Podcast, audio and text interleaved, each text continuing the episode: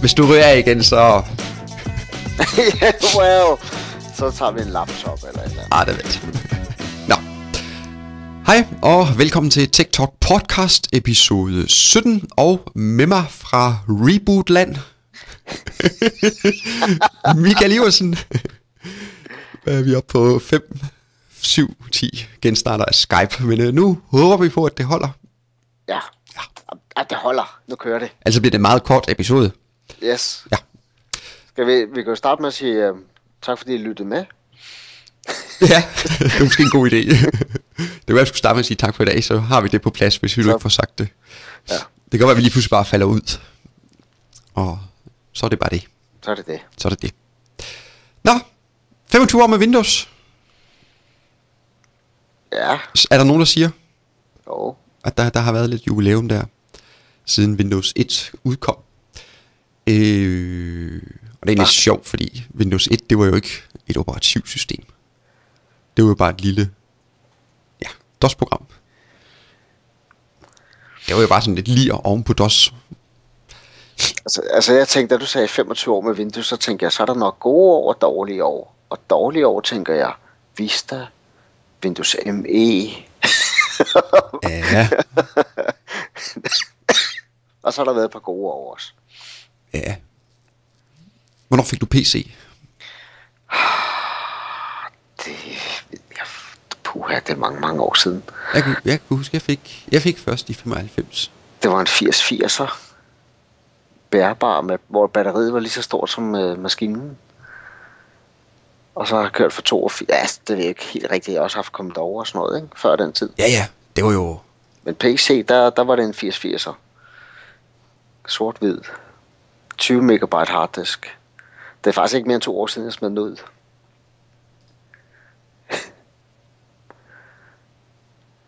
Nå. Jeg tror, at min var først, det var en 8086. Det var den første. Altså inden ja. der var det bare ikke interessant. Nej, Det var jo lige der, hvor Commodore, de sådan lidt gik, gik kold med deres Amiga og sådan noget. ja, Så må man jo kigge efter alternativer. det var det. Ja, så... Ja, ja. Så havde vi Windows 95, og vi havde viser, video og sådan noget, musikvideo, det kan jeg huske. Mm. Ja. Men vi er nået langt siden dengang. Altså, når du kigger på, hvor stærkt tingene går, så, så går det stærkt. Ja, det gør det altså. Altså 25 år i computerverdenen, det er med med. Det er lang tid. Det er lang tid. Men, men det er sjovt, fordi lige nu sidder jeg og følger noget foredrag på biokemi, og det går faktisk stærkere endnu. Det er helt sort. Det går stærkere end IT-branchen. Men øh, det, det må vi tage øh, offline. Ja. Det er mange, meget mærkelige ting, de kan lave derovre. Mm-hmm. Nå, er der sket noget i verden? Nej. Nå, Lidt. lidt, meget lidt. Jeg ved. Øh. Jeg tror, de er gået i stå derude. Jamen det kan godt være. Altså, de, og de har der haft tech og alt muligt, og ja, det kører den nu, gør det ikke? Jo. Men det, der- der sker ikke så meget. Der- Facebook har været på banen igen. Der, der sker faktisk en del, ikke? Det er ikke så lang tid siden, de introducerede Places, og så kom der Answers, som ikke rigtig har kommet til Danmark endnu, noget af det. Øh, og det nye her, det er, at nu har de lavet et, øh, et mission-system, sådan, så når jeg sender noget til dem, så rører det enten ud på, på min Facebook-profil, på min sms, eller som et mailprogram. Yes. Og de siger jo, det, det, kan blive sådan en, øh, en øh, Gmail-killer. Og det var meget sjovt, fordi præcis samme dag, som de lancerede det, så var Gmail så nede hele dagen. så det, var- det var meget god reklame. Ja. Men det er jo heller ikke, det er heller ikke kommet i Danmark endnu, er det? Nej. Nej, du kan godt requeste, øh, men det er, ikke, det er ikke kommet. Øh, lige nu kører der en request på det, hvis man gerne vil have det. Ja. Så kan man blive lagt i kø. Det andet, der er interessant ved det her Messenger-system, det var, kan du huske, vi brugte jo øh, Google Wave til at starte med. Jo. Og var glad for det. Ham, som lavede det, han er så sjovt nok lige blevet ansat over hos Facebook. Ja. Så det kan være, der kommer noget, noget integration af, af den slags ting. Hup, hap sig alle de kloge hoveder. Ja, det skal man. Det skal man. Nå. Øh, på teknologifronten, der kan vi så lige nævne, at der er kommet et Windows 7 Service Pakke 1 blokeringsværktøj. Fordi den bliver jo normalt ballert ud via Windows Update. Den er ikke udgivet endnu, den er stadigvæk release candidate.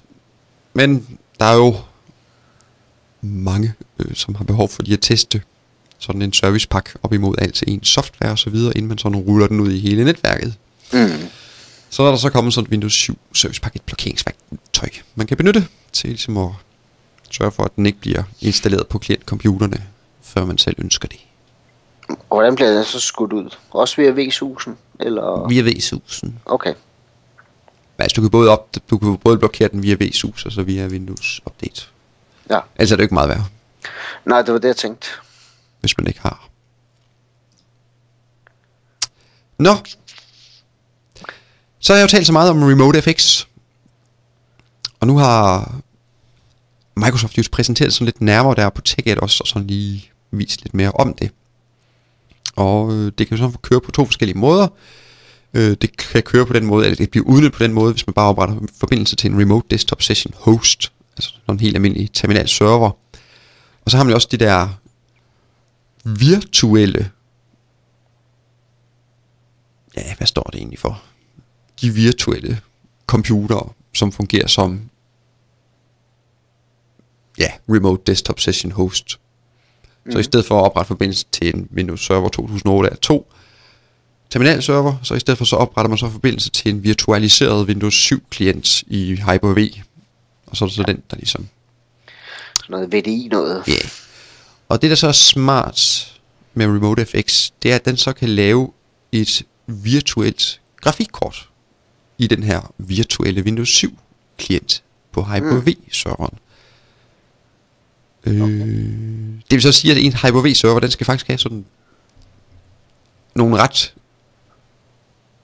kraftige øh, GPU'er, Mm. hvis man kører det som, altså via VDI. Ja, ja. Øh, så hvad er vi oppe i? Ja, det ved jeg ikke. En gigabyte RAM skal nok være på det grafikkort. Det kommer lidt an på, hvor mange bruger man skal hoppe imod det. Man Ja, så sådan en virtuelt 3D grafikkort i sin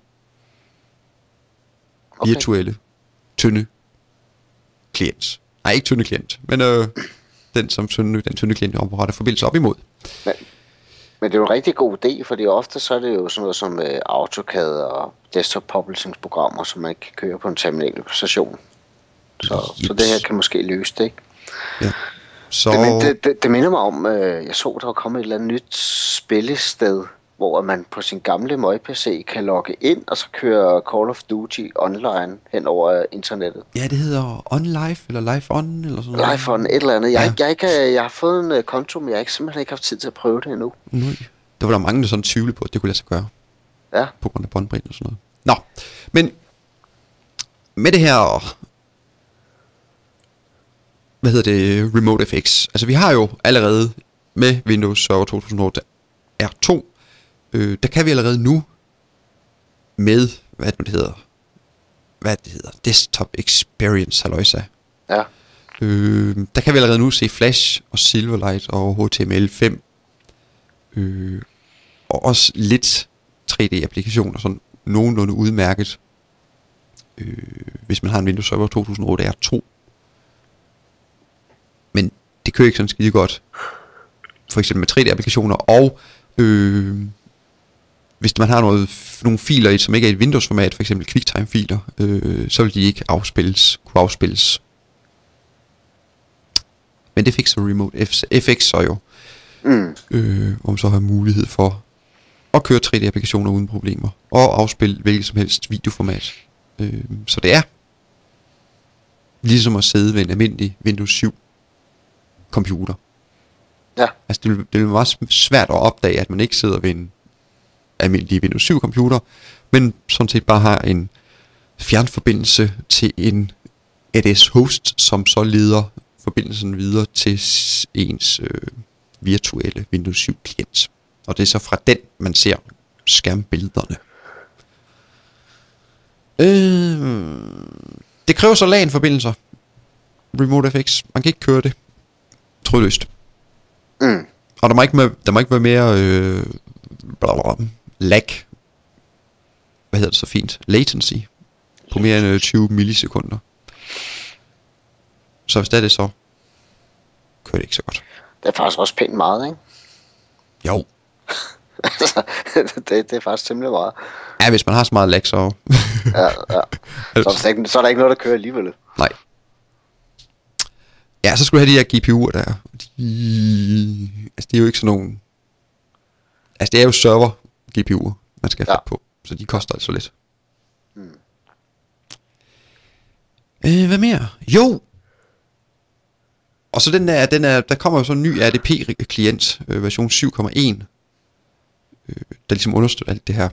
Ja, Og det er ikke sikkert, at det kommer til også at, altså man, at den kommer til Windows XP. Så du kan ikke bruge Windows XP som tynd klient, det var sgu da rart. hvis du vil udnytte Remote FX. Ja. Hvis vi skal udrydde det der Windows XP, så er det den eneste måde at gøre det på. Ja. Og så understøtter Remote FX ikke OpenGL. Så hvis man har 3D spilprogrammer, whatever, som kræver Mm. OpenGL, så har man lang næse. Men de understøtter selvfølgelig DirectX. Ja. Mm. Jo, og din virtuelle computer der, den som ligesom er hosten, hvis man kører med VDI, så skal det være Windows 7 Service Pack 1. Det kan ikke være en Windows Vista maskine eller et eller andet. Nej. Den der Søs Pack 1, havde den ikke også noget med... Var, er det kun Remote FX, der ligger virtualiseringslaget, eller lå der noget mere? Kan du huske det? Altså der er det der Dynamic Memory, Ja, Dynamic Memory, det var det, der var. hvor man ligesom kan gå ind og sige, altså hvor man bare lader Hyper-V styre, hvor mange ressourcer, eller hvor meget RAM Hver maskine skal have. hver maskine skal have. Hvis den ikke laver noget, så tager vi rammen, og hvis den laver noget, så får den noget RAM.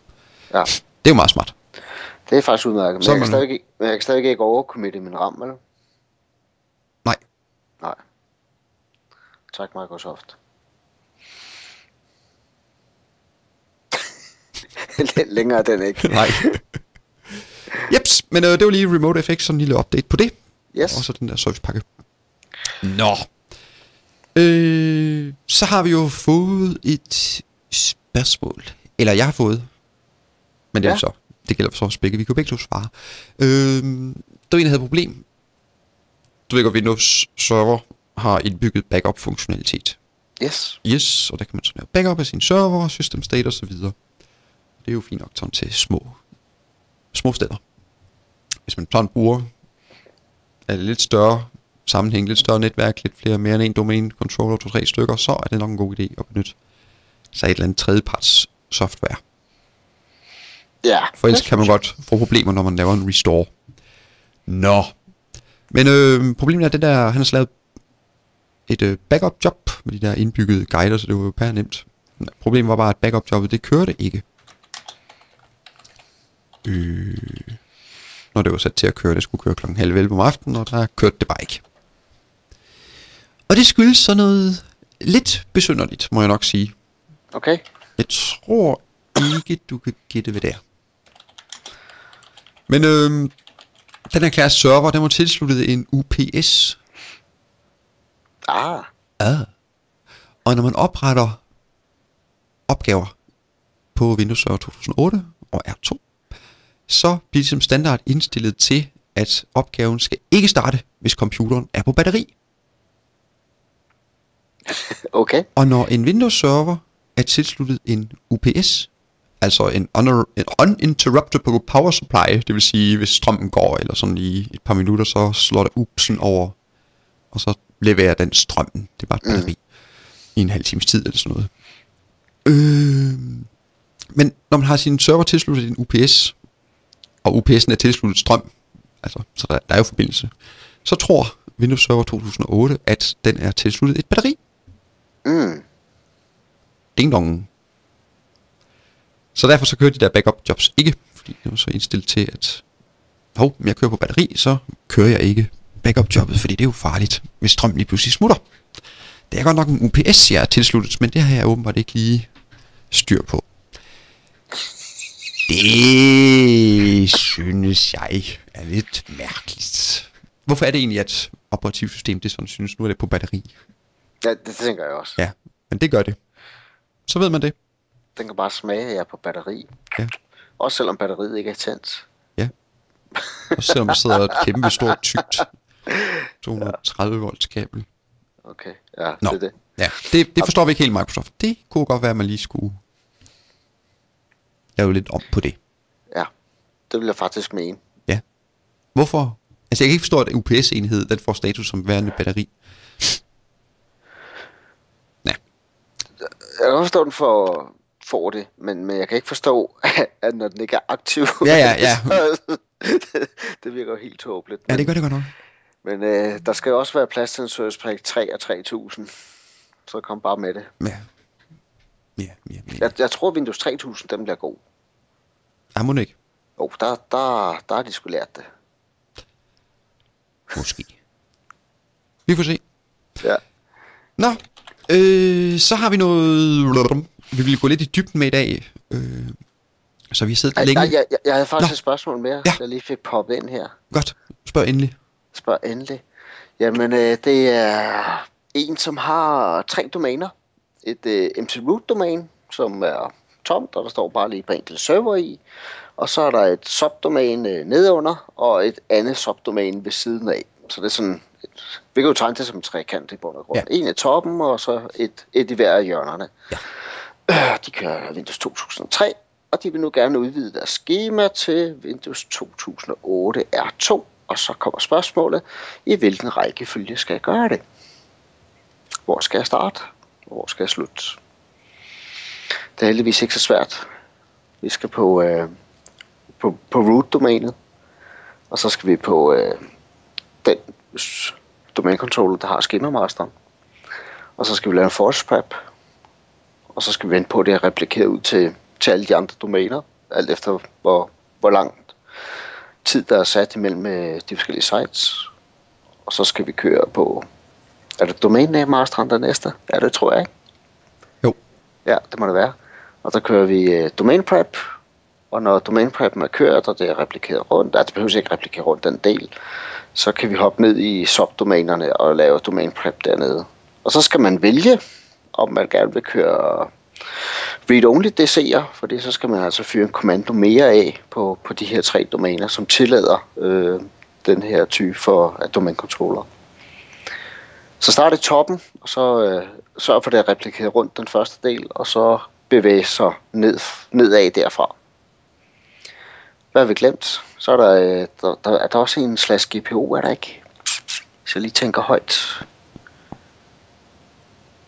Jo, men det er kun, hvis man har mange GPO'er over, over langsomme forbindelser, at den kan sættes. Yeah. Ja. Yeah. Noget at tilføje? Øh, vi kunne måske sige fortælle, hvordan man kan tjekke, at det ligesom er replikeret. Øh, mm. ja, bam, bam, bam, bam. Hvad er det så, vi skal skrive? Crap. Rap admin. Ah ja.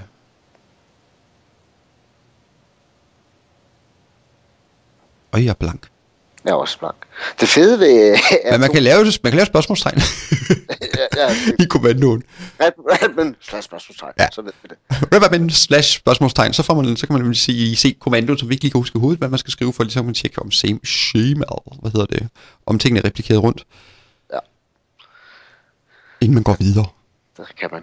Øh, og hvad hedder det? Hvorfor ikke huske den kommando? Nå. Og det er også... Det, Ja, ja, det, kom. det fede er ved på R2-skiven, der er det mindst lagt en, øh, en øh, AD-prep i 32-bit version ned. Og ikke en, øh, kun en 64-bit, som jeg havde lavet før. Det var noget rigtig rod, mand. Ja. Øhm, som, som, som den ene ting. Der var en ting mere, jeg kunne huske på det der R2. Jo, jeg har, jeg har set kunder. Jeg har været hos to kunder, hvor øh, når vi har sat R2 domænekontroller op, så i, i forbindelsen med planlægningen, at vi nedlægger de gamle DC'er, så har jeg valgt hver sted, at vi lukker dem i en periode, bare for at se, hvad vi så har glemt. Øh, og, og selvfølgelig glemmer vi altid noget, og så kan vi løse det der. Men, men jeg har faktisk oplevet to ting, som jeg ikke havde set andre steder, og tænkt, det her, det er noget mærkeligt noget. Det ene sted, der havde vi et domæne i USA, eller øh, nogle brugere i USA, som faktisk loggede ind igennem deres VPN og direkte til Danmark. Og da vi lukkede de gamle domænekontroller, skulle de ikke logge på mere. Og de sad på Windows 7 maskiner. Øh, og det viser sig så, at øh, R2 TCP/IP-stack, den er ændret. Og det betyder, at alle switch-router, de øh, slog den her logron-pakke ihjel, fordi den var for stor. Og så skulle vi altså ud og, og rette til. Så det var en mærkelig ting, vi oplevede. Øh, og den anden mærkelige ting, det var øh, nogen, som havde et SAP-miljø. Øh, og når man kommer op på R2, så bliver Kerberos ændret en smule. Og det gjorde faktisk, at, at SAP stoppede med at virke. Så vi måtte faktisk på det her...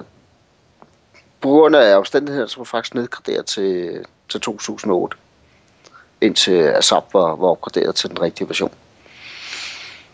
Så mærkelige ting i R2. Ja. Test, test og test. Øh...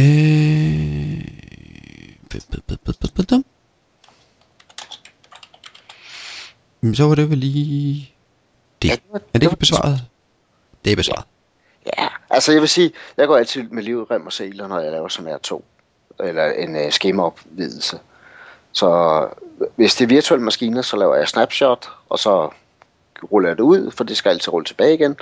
Hvis det er fysiske maskiner, jamen så hiver jeg bare den ene disk ud af dem.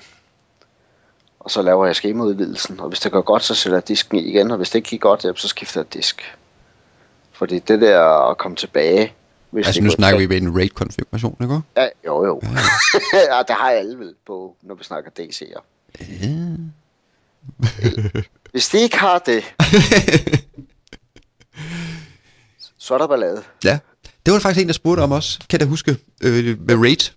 Ja, Altså, hvor man, nu kan jeg ikke høre, jeg tror, det kørte i RAID, hvad er det nu, det hedder? Nogen kalder det RAID 10. Øh, 1, 5, 6, 10. Ja. Hvad vil du have? Hvad vil du have? altså, du ved, hvad du har fire.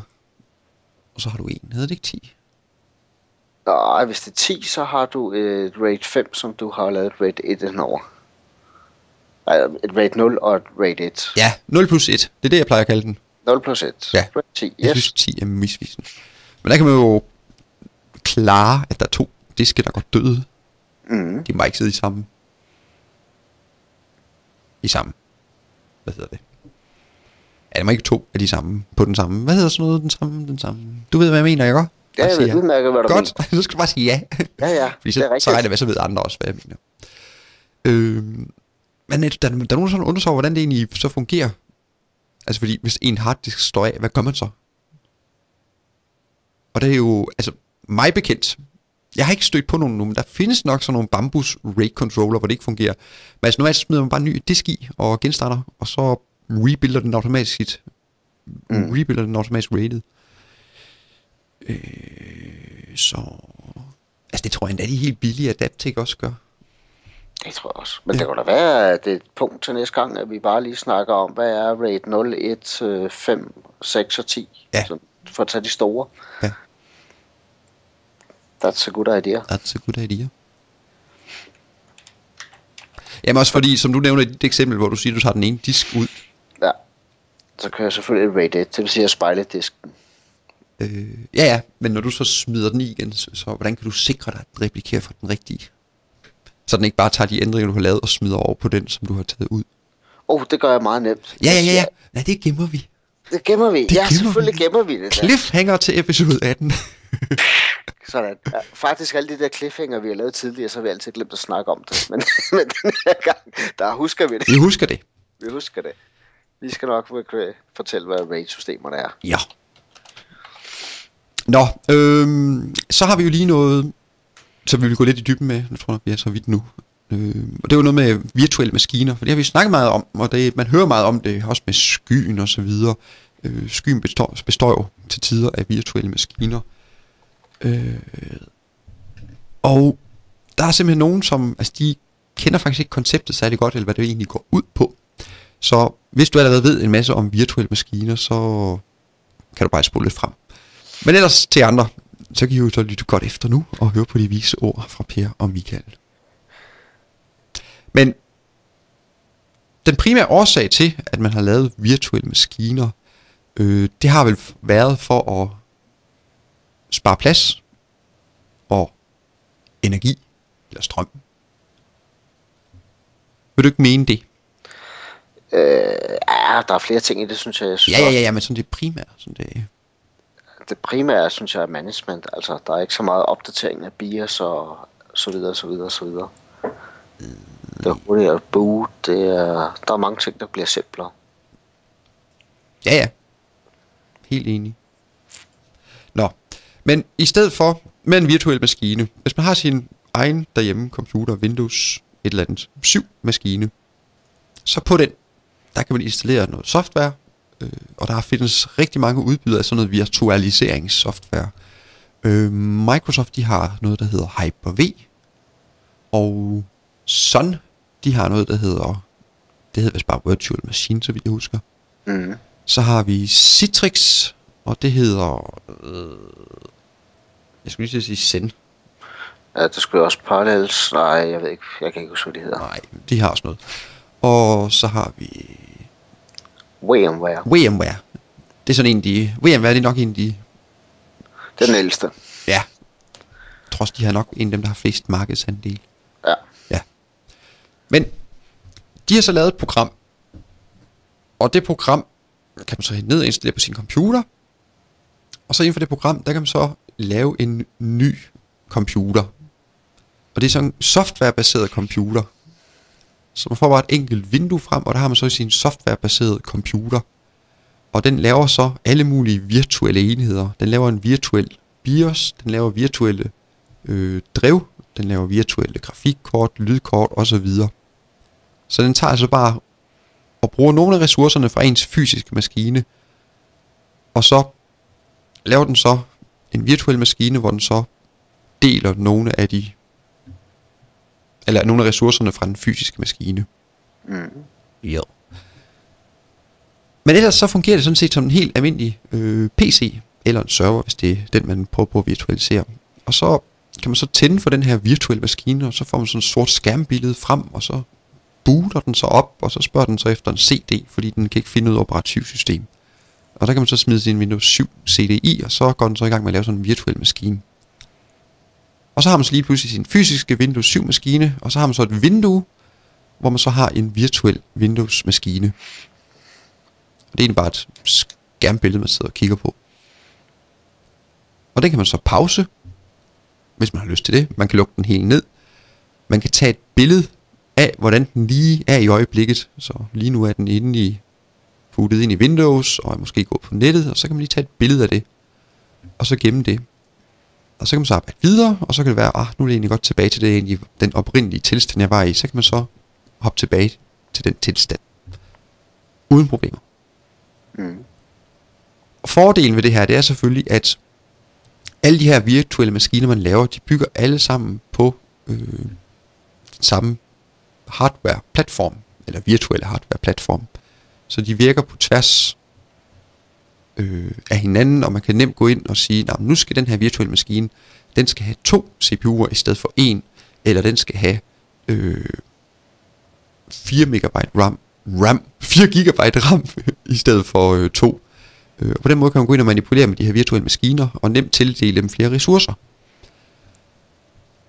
Sådan en virtuel maskine, alle dens data, de bliver gemt i en enkelt fil. Der ligger simpelthen det hele i den ene fil, så man kan sådan set bare lige kopiere den fil, og så har man to virtuelle maskiner. Groft fortalt. Man skal lige ind og lave lidt par små ting, men øh, sådan lige groft fortalt, så har man to virtuelle maskiner på den måde. Så det åbner op for en rigtig mange muligheder. Øh, altså noget jeg sådan tit gør, typisk gør, det er øh, for kunder, det er sådan typisk, at de har øh, 4-5 server stående, altså fysiske server, hvor de har en file-server, en domain-controller og alt muligt andet. Og dem går jeg så ind og virtualiserer. Det vil så sige, at jeg tager den tilstand, som de er i fysisk, og laver den virtuel i stedet for. Og det kan man gøre på mange forskellige måder. Øh, enten, så man simpelthen bare sige, at vi starter fra bunden af, så vi tager en, øh, den server, som vi har tænkt os skal sådan ligesom hoste alle de her virtuelle maskiner. Det skal så også være en pæn stor server, fordi der skal også noget der er jo så fire server, der skal ligge på én server, så at sige. Så det, der skal godt med RAM i. Og her installerer jeg så den første server, det kan så være domænecontrolleren, og så kan jeg så øh, replikere fra det gamle domæne øh, til det nye. Det er en måde at gøre det på, men man kan også tage de fysiske maskiner, og så ved hjælp af noget software, øh, som findes i for eksempel Microsoft Hyper-V, og også i VMware, virtualisere øh, maskinen. Så simpelthen tage de fysiske data og komme over på en virtuel harddisk øh, helt automatisk. Mm. Og det kan man gøre, hvis man er rigtig avanceret, så kan man gøre det live. Så mens den fysiske domænecontroller kører, så kan man lave en overførsel til øh, et virtuelt miljø, altså til en virtuel computer. Og når det så er gennemført, luk den fysiske ned, og så kører den virtuelle så videre. Hvis det sådan er systemkritisk, og at domænecontroller i hvert fald ikke overhovedet på noget tidspunkt må være lukket ned. Øh, fordi på det her sted, der kører vi altså 24 timer i døgnet. Øh, øh, Jeg ved godt, det er et, ekse- et eksempel, et godt eksempel. Øh, Men når jeg flytter DC'er, så plejer jeg bare at- bygge en ny og lave det til promo. Fordi så får jeg et replika af AD'et, og så kan jeg så rykke tingene bagefter. Men det kommer an på, hvor meget en DC jeg laver. Den kan også være certifikatserver og andre ting, som, som gør, at jeg bliver nødt til at gøre det på en anden måde. Ja. Jepskidips. Det er også, altså der er, der er også, altså normalt så kan det jo sagtens fungere det der, øh, hvad hedder det, altså den der fys, altså den der, um, hvor man ikke kører en DC promo, men hvor man migrerer det live. Ja. Der, findes nogle værktøjer, som man bare kører, og så sker resten egentlig af sig selv. Men det kan jo være lidt farligt. Men jeg havde faktisk øh, et spørgsmål også i, her sidste uge omkring, øh, kan jeg virtualisere alle mine domænecontroller? Øhm, Ja. og, mit svar var, at det kommer an på, hvilken platform du er på. Fordi hvis du er på en Hyper-V-platform, som er, hvor din øh, normale Hyper-V-server er medlem af domænet, og derfor også er afhængig af DNS, og DNS'en og domænekontrollen lige pludselig ligger inde i maven på mig selv, så kan man godt få det til at virke, øh, men det kan også godt give nogle udfordringer. det vil nok det, altså det er nok, ja, og det er nok noget af det, han har sagt, dummeste man kan gøre. Jeg har nemlig, hvem var det? Det er ikke så længe siden, der hørte jeg om nogen, de havde lavet det, dum, det nummer der. Og det endte ja. Simpelthen med, at de var bare låst ude. De kunne ikke, ja. Altså de kunne ikke, det var bare surt. Det var bare surt. De var bare gone with the wind. Der, der, der er en opsætning, som gør, at man godt kan gøre det, men jeg vil da ikke anbefale. Til gengæld vil jeg sige, at på VMware, der snakker VMware-serverne via en hostfil, øh, og har ikke brug for ekstern DNS andet end til at finde sin, øh, sit virtuelle center, men det kan man bare lægge ind i hostfilen. Og hvis hostfilen er ens på alle øh, sine øh, ESX-server, så er der ingen problem i at lægge det hele ind i maven på, på, på der. Men, men der er også noget religion i det. Der er mange, der godt kan lide at have en enkelt server stående uden ved siden af, og hvor skal min backup ligge fra og sådan noget. Så, så ofte er der noget fysisk i det alligevel. Ja. Øh, men hvis man gerne selv vil, slet ikke kender til det og gerne vil lege med det, så kan man gå ind på øh, Sons hjemmeside. Derinde der kan man hente, øh, de har sådan en virtual machine, halløjsa software, øh, som er gratis. Så kan man lige komme lidt i gang. VMware, de har sådan nogle prøveversioner, man kan lege med. Og så har VMware selvfølgelig også den lidt mere øh, svedige udgave- udgave. Den er sådan lidt... De kræver lidt mere indsigt at bruge, synes jeg, i forhold til lige, hvis i hvert fald, hvis man skal forstå det der virtualiseringskoncept, så synes jeg, man skal prøve med sådan en desktop udgave først, Mm. øh, fra Sun, eller så VMware, de har også en, der hedder VMware Workstation. Men ja, ellers, så kan, virtual, Microsoft har jo også virtual PC. ja, og Microsoft har Virtual PC, eller Virtual PC, og når man synes, man sådan har nogen styr på det, så kan man så, øh, så har VMware, de har sådan noget, der hedder VMware Server, som er gratis, og det fungerer faktisk rigtig godt. Og der kan man så tilgå de virtuelle maskiner fra sin internetbrowser, øh, bare taste en adresse ind, og så får man så sådan et kontrolpanel frem, og der kan man så se sine virtuelle maskiner, man kan se status på dem, og se hvor meget RAM de bruger CPU, og man kan gå ind og klikke på dem, og så får man et vindue frem, og så kan man logge på sin øh, Windows 2008 server, eller hvad man nu har virtualiseret. Og øh, det har øh, Microsoft også med deres Windows Server 2008. Øh, der har de også indbygget Hyper-V, øh, som er gratis at benytte. Det er naturligvis ikke gratis at installere et operativsystem. Altså man skal have en licens til det operativsystem, man så installerer på sin virtuelle maskine. Men der er man også hjulpet sådan pænt langt af Microsoft, fordi man kan jo enten tegne et tech net abonnement, eller man kan hente af næsten alt af software øh, 180 dages prøveudgaver. Mm. Og så kan man jo også prøve på den måde. Men der er pænt mange penge at spare ved at virtualisere tingene. Øh, mm. For det første er det nemmere at, at styre, øh, administrere, og for det andet så sparer man i forhold til at have fire server stående, som hver især bruger en masse strøm, plus at de skal have køling, øh, så kan man nøjes med en enkelt server, som måske, altså de bruger selvfølgelig meget mere, mindre strøm, men kræver nok heller ikke så meget køling, som hvis det var fire separate, der stod og brummede. Ja, det er en rigtig god ting. Ja. Jeg vil også sige, øh, hvad hedder sådan noget? Ja, pladsen. Altså nu er fire server ikke så meget, men så har jeg tusind server, så er det jo... Ja, men ja. altså alt sådan noget som øh, flash af RAID controller, flash af BIOS og alt muligt andet, det, det forsvinder jo. Ja. Det er dejligt, dejligt nemt. Okay. Øh... Altså der er jo så heller ikke RAID Nej, det er der ikke. Altså, der er jo ikke, der er ikke virtuelle RAID controller.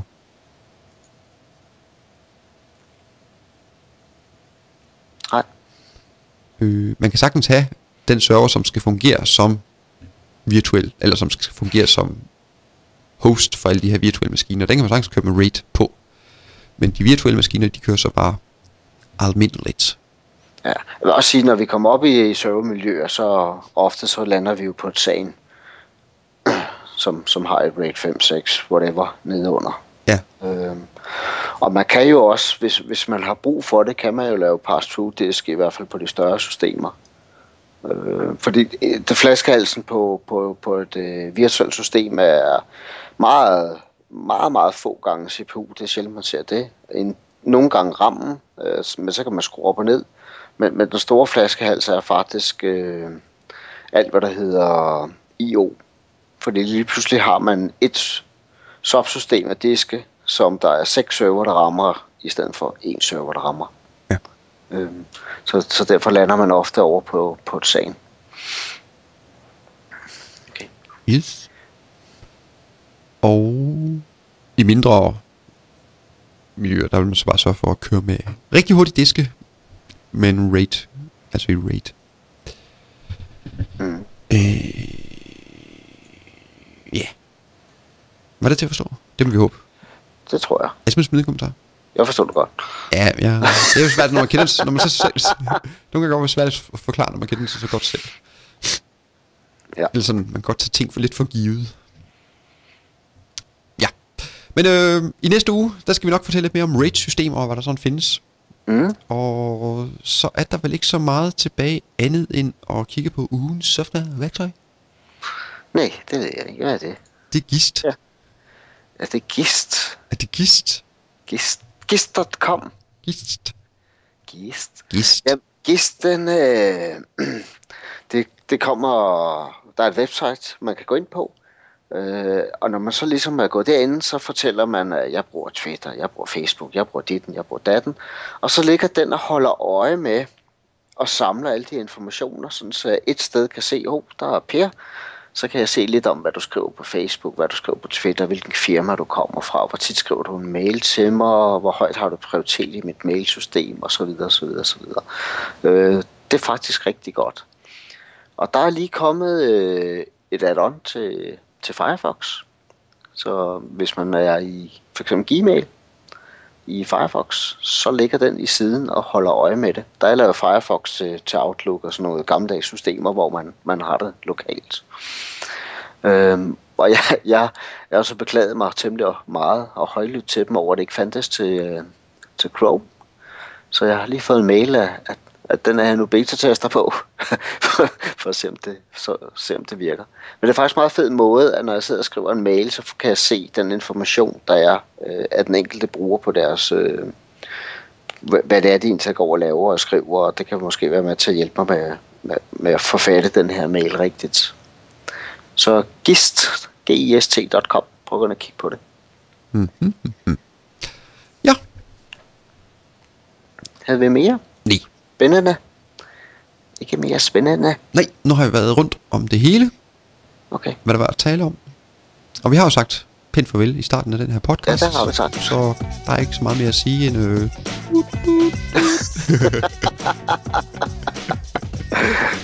okay. Det, det synes jeg lyder rimeligt nok.